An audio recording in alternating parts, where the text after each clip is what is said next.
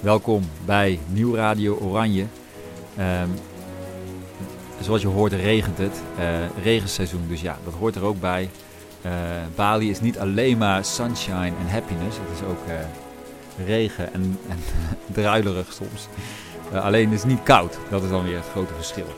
Um, vandaag um, realiseerde ik me weer dat de lockdown ook in Indonesië echt wel behoorlijke vormen aanneemt. En lockdown is een groot woord, hè, want uh, wij hebben niet een lockdown zoals in Nederland. Maar er gaan hier wel maandag nieuwe maatregelen in. Dat betekent dat er uh, volgens mij na zeven uur zelfs mag je niet meer de... Ik weet niet of je niet meer de straat op mag, maar het betekent wel dat alle restaurants en alle warungs, uh, winkeltjes, alles dicht moet. Um, en ook dat er volgens mij een nieuw soort social distancing komt of aantallen mensen. Weet je, ik weet het niet eens precies. En het grote verschil met Nederland is ook wel dat um, in Indonesië is er ook wel weer een verschil per bandjar. Een bandjar is dan zeg maar een, een, um, um, een dorpsraad of zo, of een dorps. en die hebben dan weer hun eigen regeltjes. Dus afhankelijk van waar je precies bent, uh, zijn de regels of strenger of minder streng, of wordt er gecontroleerd of niet, weet je wel. Dus nou ja, weet je, wat ik al eerder wel heb verteld, is dat we op zich niet zo heel veel merken van de maatregelen. Want het gewone dagelijkse leven is eigenlijk het hele jaar door gewoon doorgegaan. Maar vandaag was ik in Ubud en dan zie je in het centrum echt wel um, ja, de desastreuze gevolgen van um, lege winkelstraten en ook lege winkels. Um, ja, en dat heeft natuurlijk gewoon uh, best wel heel veel gevolgen. En ik merk dan van, ja, wat, waar gaat dit over? Weet je, ik vind het enorme wereldwijde, zeg maar, de, de economie stilleggen. Dat, dat treft natuurlijk met name de mensen die een, uh, hè, bijvoorbeeld hier, hier dan iets in het toerisme doen of een winkel hebben in Nederland, de horecazaken. Nou ja, goed, daar is denk ik al alles al, ja, is al heel veel over gezegd. Dus ik hoef daar niet een hele rant over te houden. Dat ga ik ook niet doen aan de ene kant voel ik me heel erg verbonden met alle mensen die zich uitspreken tegen de maatregelen. En vooral ook aandacht vragen voor wat de gevolgen zijn, zeg maar, maatschappelijk en economisch voor deze. Voor wat er wereldwijd gebeurt. En tegelijkertijd voel ik dus dat het aan ons allemaal individueel de taak is om te kijken naar gewoon hoe ga jij ermee om? Hoe ga ik om um, met, deze, met deze hele zeg maar lockdown? En ik weet niet hoe het met jou gaat en waar jij bent en hoe je, hoe je dit allemaal beleeft. Maar er zijn wel regelmatig momenten dat ik echt denk van... Jemig, waar zijn we in godsnaam mee bezig? Gewoon de mondkapjes. Uh, dat had niemand zich toch ooit kunnen bedenken dat het zulke grote proporties zou aannemen. En vooral dat het dus normaal wordt. Weet je, het hele woord nieuwe normaal is natuurlijk ook een briljante term. Hè? Dat, dat, denk ik van, ja, daar is over nagedacht. Hè? Het woordje normaal en zeker nu, dan gaan mensen zich daar gewoon aan. Ja, dat wordt dan dus normaal. En, um, en, en dat, ik denk dat daar wel een heel groot gevaar in ligt. Dat je dus hetgene wat niet normaal is, dat we dat toch gaan zien als normaal. En dus ook mensen elkaar daarop gaan aanspreken. Nou ja, ik was dus in Ubud en ik voelde hoe um, mijn liefde voor Ubud. Het is echt een, een, een plek waarin ik. Um, waaraan ik heel veel te danken heb in mijn leven. En ook de mensen die ik daar heb mogen leren kennen, wat het ons gebracht heeft uh, in, ons, in ons hele leven, maar ook mij persoonlijk in het leven. Ik denk dat op het moment dat je dus op, op, op pad gaat, op zoek, zeg maar, ik weet niet of het een zoektocht is, maar in ieder geval op pad gaat met jezelf en in het leven en dat je dus de gebaande paden verlaat, daar liggen heel veel schatten te ontdekken over het leven. Alleen dan laat je wel een bepaalde mate van um, veiligheid, van structuur, van zekerheid zeg maar los. En, en alles in het leven heeft natuurlijk een prijskaartje. Dus aan de ene kant misschien de veiligheid en de zekerheid die je hebt in een, in een laten we zeggen, standaard leven. Die heeft ook mooie kanten, want dan heb je bepaalde voorspelbaarheid en zekerheid en nou ja, noem maar op. En dat loslaten betekent dat je ook jezelf telkens en opnieuw moet uitvinden. Want zeker als je jezelf in een nieuwe situatie brengt of in nieuwe uh, uitdagingen, dan, um, ja, dan vraagt dat natuurlijk van jezelf heel veel om um, in jezelf te ontwikkelen. En uiteindelijk is dat denk ik ook wel weer waar het om gaat. Van kun je jezelf als mens echt ontwikkelen, bijvoorbeeld op de plek waar je bent? Kun je, kun je jezelf um, kun je verder in het leven? Kun je groeien? Kun je ontwikkelen? En wat houdt je dan in feite nog tegen om ehm, de stappen te zetten waar je echt naar verlangt? Waarvan je echt voelt van. En ik denk dat er heel veel mensen zijn die ergens wel een verlangen hebben naar. Het kan zijn een ander soort leven. Maar ook, ik denk dat het met name voor mij, hè, voor mij, voor mij ging bijvoorbeeld onze verhuizing of onze stap om Nederland te verlaten. Dat ging echt over ontwikkeling, over, over groei en over ehm, een reis maken, een ontdekkingstocht met jezelf. Uh, met mezelf. Um, om ook op te ontdekken van wat leeft er eigenlijk allemaal echt in me waar ik nog niet aan toe ben gekomen in het leven. Dingen die ik wilde uh, niet alleen ervaren, maar ook in mezelf zeg maar, wilde uitpakken. Nu um, wordt het iets minder met de regen. En ik, ik, ik zie ook wel hoeveel, bij hoeveel mensen dat, uh, dat verlangen leeft, maar ook wat de angsten zijn die dan naar boven komen. Die ken ik heel goed. Weet je, de angsten van um, het oude loslaten, dat is een hele grote en een hele belangrijke. Want bij iedere nieuwe stap die je gaat zetten, het, het leven vraagt dan van je om iets los te laten. En het loslaten van het oude, of dat nu, dat kan dus van alles zijn. Ik wil dat niet voor jou invullen, maar het loslaten, daar is denk ik, um, dat is iets waar, waar ons brein wellicht nog niet, um, niet zo goed mee kan omgaan. Vooral niet omdat je niet weet wat, dan, um, wat daar dan achter ligt. Weet je, op het moment dat je ervoor kiest om een nieuw pad in te gaan, ja, dan weet je natuurlijk nooit hoe dat uitpakt. En dat, is, dat kan dus spannend zijn. Maar goed, uiteindelijk als je, daar, als je daarin echt je hart volgt, en niet, dat het niet alleen gedreven is door de mind en door conditioneringen, dan betekent dat eigenlijk alleen maar dat het je uiteindelijk op je pad brengt en op de plek waar jij zijn moet. Ik wil niet zeggen dat dat makkelijk is of dat dat een easy road is, maar het wil wel zeggen dat er dus allerlei dingen geactiveerd worden in je systeem um, die voorheen zeg maar dormant, uh, latent zeg maar, of gewoon ja, die, die, die er wel de potentie wel was, maar wat nooit aangeboord hoefde te worden. Misschien in een van onze allereerste podcasts hebben we het wel eens gehad over um, The Regrets of the Dying. Er is een boek, ik weet niet meer precies hoe dat, misschien heet dat boek ook al zo, The Four Regrets of the Dying. En dat gaat over mensen die in het, zeg maar, op hun sterfbed liggen en dan van wat zijn eigenlijk de dingen waar je spijt van hebt. Het is wel interessant om daarover na te denken van hé, hey, waar gaat het dan echt over? En de dingen die dan naar boven kwamen was, waren onder andere ja, te veel en te hard gewerkt, te weinig tijd voor mijn kinderen, um, te weinig tijd voor doen wat ik echt wilde. Um, dat zijn, dat zijn, er zijn er nog een paar, maar die twee schieten me dan nu te binnen. Van, oh ja, waar gaat het leven dan eigenlijk ten diepste over? Gaat het over overleven, het hoofd boven water houden, um, of gewoon geleefd worden? Hè? Misschien wel met allemaal mooie, goede dingen, maar eigenlijk niet echt stilstaan. Niet echt het leven leven. En um, ja, ik merk dan iedere keer weer van, voor mij gaat het leven toch wel om echt hier zijn. En dat vraagt ook wel, dat is ook soms ook lastig, weet je wel, echt aanwezig zijn in het, niet alleen dat je altijd in het moment moet zijn, want het gaat niet om dat je niks mag plannen of niet naar het verleden mag kijken, want dat is, volgens mij zijn die dingen, al, hebben die allebei een hele belangrijke plek.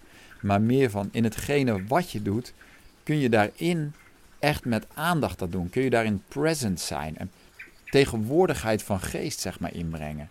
Kun je met aandacht je dingen doen. En kun je dus echt, echt in het hier en nu zijn. Ik denk doordat we zoveel in de, in de mind zijn gaan leven in het Westen. misschien is het wel overal, ik zeg in het Westen, maar misschien. Ik denk wel dat hier in Indonesië bijvoorbeeld de mensen nog veel meer.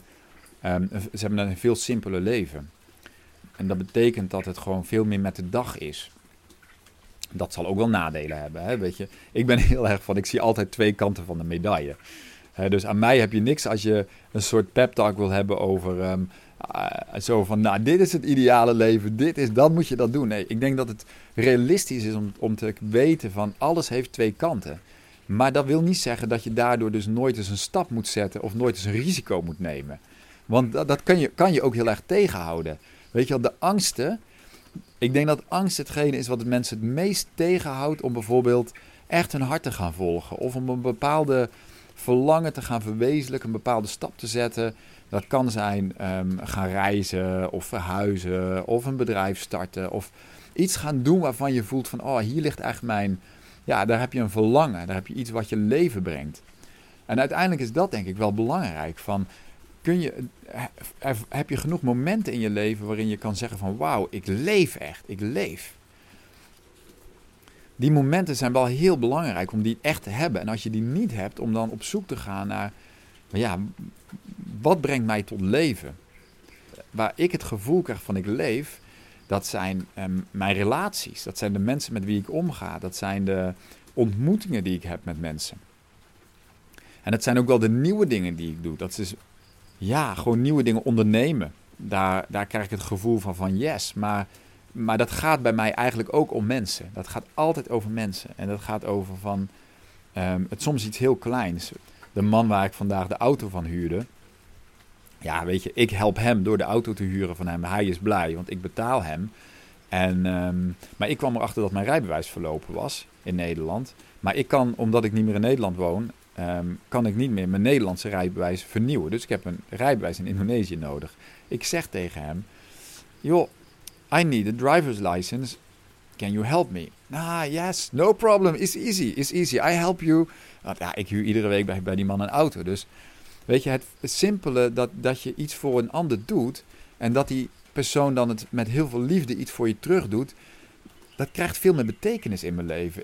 terwijl in Nederland help je elkaar ook. Weet je wel, ook in het, in, misschien in je zaken doen of in je gewone leven. Heb, is er ook een exchange. Alleen ik heb het gevoel dat, er, dat het niet diezelfde aandacht heeft en die kwaliteit eigenlijk van waar het in de essentie om gaat. En dat is namelijk, we helpen elkaar. En het elkaar helpen is eigenlijk, ja, dat klinkt misschien heel simpel, maar dat is toch wel de, de essence van waar het op aankomt. Alleen wij hebben natuurlijk in onze overgeorganiseerde samenleving hebben we daar een heel soort van businessmodel van gemaakt. Wat ook prima, er is niks mis mee. Alleen dan gaat het menselijke raakt dan heel erg naar de achtergrond. Er is altijd een money exchange. Terwijl op het moment dat je dus bijvoorbeeld hier in dit land bent, dan gaat het voor mij niet, niet zozeer over geld, maar het gaat over, oh ja, ik heb een rijbewijs nodig.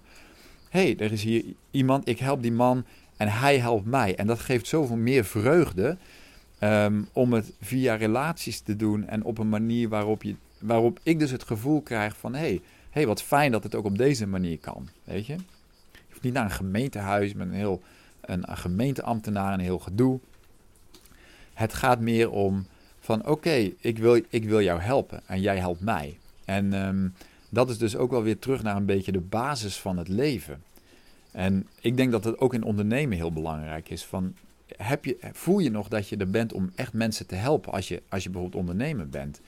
Voel je dat dat in je, in je, zit dat nog in je DNA en kun je daar nog echt contact mee maken? Of gaat het eigenlijk alleen nog maar over het werk of geld of ehm, gewoon going through the motions, weet je?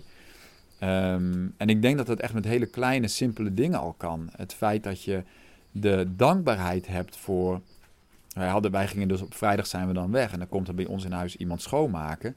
En dan kom ik thuis en is het echt helemaal opgeruimd en schoongemaakt. En ah, daar voel ik gewoon diepe dankbaarheid. Dat laat ik dan ook weten aan de mensen die dat hier doen. En ik denk dat die kleine gesten van dankbaarheid en dat uitspreken naar elkaar van fijn dat je me geholpen hebt, dank je wel. En ja, dat brengt zeg maar veel meer vreugde in het leven. En dat brengt ook ja, misschien wel de simplicity en bepaalde innocence. Maar dat maakt, geeft het leven wel kleur en betekenis. En dat vind ik zelf heel mooi om dat te voelen, dat ik dat hier wat meer, ik heb, maak daar hier wel meer contact mee. Misschien omdat het leven wat simpeler is en omdat je elkaar ook nodig hebt. Weet je, ook hier de, de andere expat families en de mensen waar we hier contact mee hebben. We lopen allemaal wel tegen dingen aan. En dan is het zo fijn, dan, dan worden de, je vrienden worden al snel wat meer familie. Want ja, de familie zit ver weg allemaal. dus dan krijgt een, de relaties krijgen een iets andere kwaliteit. Van oké, waar we helpen elkaar, we ondersteunen elkaar. En, en dat vind ik ook wel weer heel prachtig aan deze, deze levensstijl. Dat maakt mij bijvoorbeeld blij. Ik word er blij van. Nou ja, ik weet niet hoe dat dan. Ik denk dan terug aan hoe was dat dan in Nederland. En dan denk ik van, oh ja, er was toch wel heel veel. Het, leven, ik werd wel meer geleefd, denk ik. Terwijl ik ook dat besef wat minder had van, wow, we helpen elkaar. Terwijl daar gaat het in feite, ook als je gewoon een baan hebt, dan help je ook elkaar, weet je. Je helpt het bedrijf waar je voor werkt. En als jij ondernemer, hebt, ondernemer bent, dan help jij ook je medewerkers en je klanten. Weet je, er is echt wel een exchange van, van helpen. En ik denk dat het woord helpen, dat heeft in onze maatschappij een beetje een betekenis gekregen van hulpbehoevend. Een beetje zo'n, ja, we helpen, iemand helpen, iets sneus. Ik weet niet wat voor, wat voor associatie jij met het woord helpen hebt. Maar als we, dat, als we die kwaliteit van helpen kunnen verheffen tot het menselijke, ja, dan, kan, dan kun je echt de menselijkheid en ook de liefde weer terugbrengen in het leven. En ik denk dat dat een prachtige kwaliteit is om meer toe te laten in, in het leven. Voor mij werkt het in ieder geval. Ik voel dat steeds meer. Een, een soort diepe dankbaarheid komt er dan in mijn hart. En ik, ik, ik denk dat we dat, um, ik denk dat wij, collectief de mensheid, dat ook wel is kwijtgeraakt. Doordat we ja, leven in zo'n fast-paced society, in de red race en in het uh, presteren, in het, soms ook het, in het bezig zijn met het succes, of juist bezig zijn met gewoon het leven voor elkaar krijgen. Dat, dat die simpele dingen als: hey, wil je me helpen of kan ik jou ergens mee helpen? Hè, dat, dat, dat dat een beetje zijn glans en zijn glorie is kwijtgeraakt. Maar wat mooi als we dat weer terug kunnen nemen. Ik denk dat in de tijd van lockdown, waarin iedereen ook wel met emotionele dingen zit en waar je mentaal misschien vragen hebt, waarin er van alles op ons afkomt en waarin je misschien allerlei vragen hebt over waar gaat het heen met de wereld, dan wordt het denk ik steeds belangrijker van hoe kunnen we als mensen elkaar helpen? Hoe kunnen we helpen om je beter te voelen? Of ga je ergens doorheen? hey, wat kan ik dan voor jou betekenen daarin? En nou ja, welke elementen in je leven heb jij hulp nodig? Zijn er dingen in je leven waar je hulp bij kan, kan gebruiken? En durf je om hulp te vragen bij iets? En welke dingen zijn er die jij, die jij voor een ander kan doen? En dat kan best om een exchange gaan. Zeker als het zakelijk is, dan is er een exchange. Dan gaat het eh, om geld bijvoorbeeld. Maar die exchange is ook helemaal prima. Maar kun je daaronder nog steeds de kwaliteit hebben van helpen? Ik ben er om jou verder te helpen. Ik voel dat heel erg met, met mijn klanten. Van mijn missie, mijn basis daarin is van: oké, kan ik jou echt helpen? Als ik jou eigenlijk niet kan helpen, dan is het not a match. Hè? En dat kun je ook jezelf afvragen: van waarin kun je, kan jij er zijn voor een ander? En als je een bedrijf hebt, dan is dat denk ik een hele belangrijke vraag. Die je jezelf moet stellen. Van voel je dat jij er ook bent om een ander verder te helpen? Maar ook in het hele gewone dagelijkse leven. Hoe help je je kinderen? En, en hoe help je, nou ja, het simpele idee van helpen we elkaar verder. En dat is ook wel de basis van community. Een community heeft waarde op het moment dat je er voor elkaar kunt zijn. Dat maakt de community. En um, zeker in een, eh, in, een, in een wereld waarin um, iedereen in zijn eigen huisje zit, in zijn appartementen, individualisering van de maatschappij, waarin, um, waarin er weinig aandacht en oog meer is voor elkaar, raakt ook die kwaliteit van helpen naar de achtergrond. En dan zie je ook heel veel mensen die dus in zichzelf en met zichzelf blijven struggelen omdat, ja, wie heeft er nog oog voor jou? En heb jij eigenlijk nog oog voor die ander? Als ik iemand zie en ik zeg van, hé, hey, gaat het eigenlijk wel goed met je? Kun je elkaar nog zien als mens? Dus dat is de uh, thought of the day die ik er bij je neerleg. Ik ga even bijkomen, want het was toch alweer het rijden in Indonesië. Oh ja, dat is ook zoiets. Als je hier dus, eh, we rijden natuurlijk links. En weet je, als er al verkeersregels waren, dan houdt niemand zich eraan. Inmiddels vind ik het hartstikke prima om te rijden. En het is ook niet zo druk nu op de weg. Anders dan denk ik dat ik als ik naar Ubud zou rijden, zou ik er misschien twee uur over doen. En nu doe ik er een uur en een kwartier over. Maar je moet echt linksom kijken, want er komen scooters naast je, rechts scooters naast je. Um, inhalen op hele smalle wegen. De infrastructuur is echt heel, eigenlijk echt super slecht. Um, dit eiland is totaal niet gemaakt om miljoenen toeristen te, te handhaven, zeg maar. Dus ik denk wel eens van, nou, ze moeten echt dit zou de tijd zijn voor Bali om iets te doen aan de infrastructuur, maar dat gebeurt dus niet. Um, maar goed, het is ook wel weer lachen. Zo werkt dat in dit land. En weet je, als je dan uh, de plaatjes die je dan van Bali ziet, als je hier nog nooit geweest bent, is van ah, tropisch, stranden, rijstvelden. Maar goed, als je van, vanaf het vliegveld gaat rijden, is het gewoon asfalt en vieze gebouwen en uh, veel verkeer en drukte. Het is helemaal niet gelijk een mooi eiland. Weet je, je moet dan echt wel even rijden. Je moet echt naar achteraf gaan om echt de, de, de beauty zeg maar, van dit eiland te gaan zien. En, ehm, maar goed, dat is misschien ook wel weer de charme. Dat je dus aan de ene kant eh, ook het afval, weet je, nu zie ik weer op bepaalde stranden wat er gewoon uit de oceaan allemaal aanspoelt aan zooi. Dat is niet normaal. Het is aan de ene kant um, prachtig, prachtige plek. En aan de andere kant dus ook weer een plek met heel veel um, uitdagingen. Laat ik het zo noemen. Ik denk dat het uitdagingen zijn. Maar waar ze hier ook nog niet echt bezig zijn met oplossingen. Dus dan denk ik dus van, nou, hoe zou ik dit eiland helpen? Alleen ik, ben ik, ik denk dan van, dan moeten ze zo'n... Wat je in Bangkok heb je dan zo'n zo'n trein die dan over de... Zo'n skytrain noemen ze dat. Dus dan denk ik van, ja, ze zou hier in Bali zo'n skytrain moeten bouwen. Gewoon van het vliegveld naar Ubud. En dan kun je gewoon, heb je al die taxis niet nodig. Dan kun je gewoon de trein nemen. Dat ontlast het verkeer. Nou, dat, weet je, maar goed. Ik zou dit eiland prima willen helpen daarmee. Maar goed, dat is niet mijn, mijn taak. Uh, maar mijn brein is dus wel heel erg gericht op, um, goh, hoe kun je dit verbeteren? Of hoe kun je hier, um, ja, wat zou helpen om dit allemaal beter te maken? Maar goed, dat is mijn brein. Zo werkt het bij mij. Um, dus, ik ga het hierbij laten. ik wens jou een fijne dag. En je hoort me morgen. En hopelijk, weet je, ik heb wel gepland om nog echt wat gesprekken met anderen op te nemen. Maar dat is gewoon afgelopen dagen niet van gekomen. Dus die hou je nog van me te goed. Nogmaals, dankjewel voor het luisteren. En tot morgen. Doeg!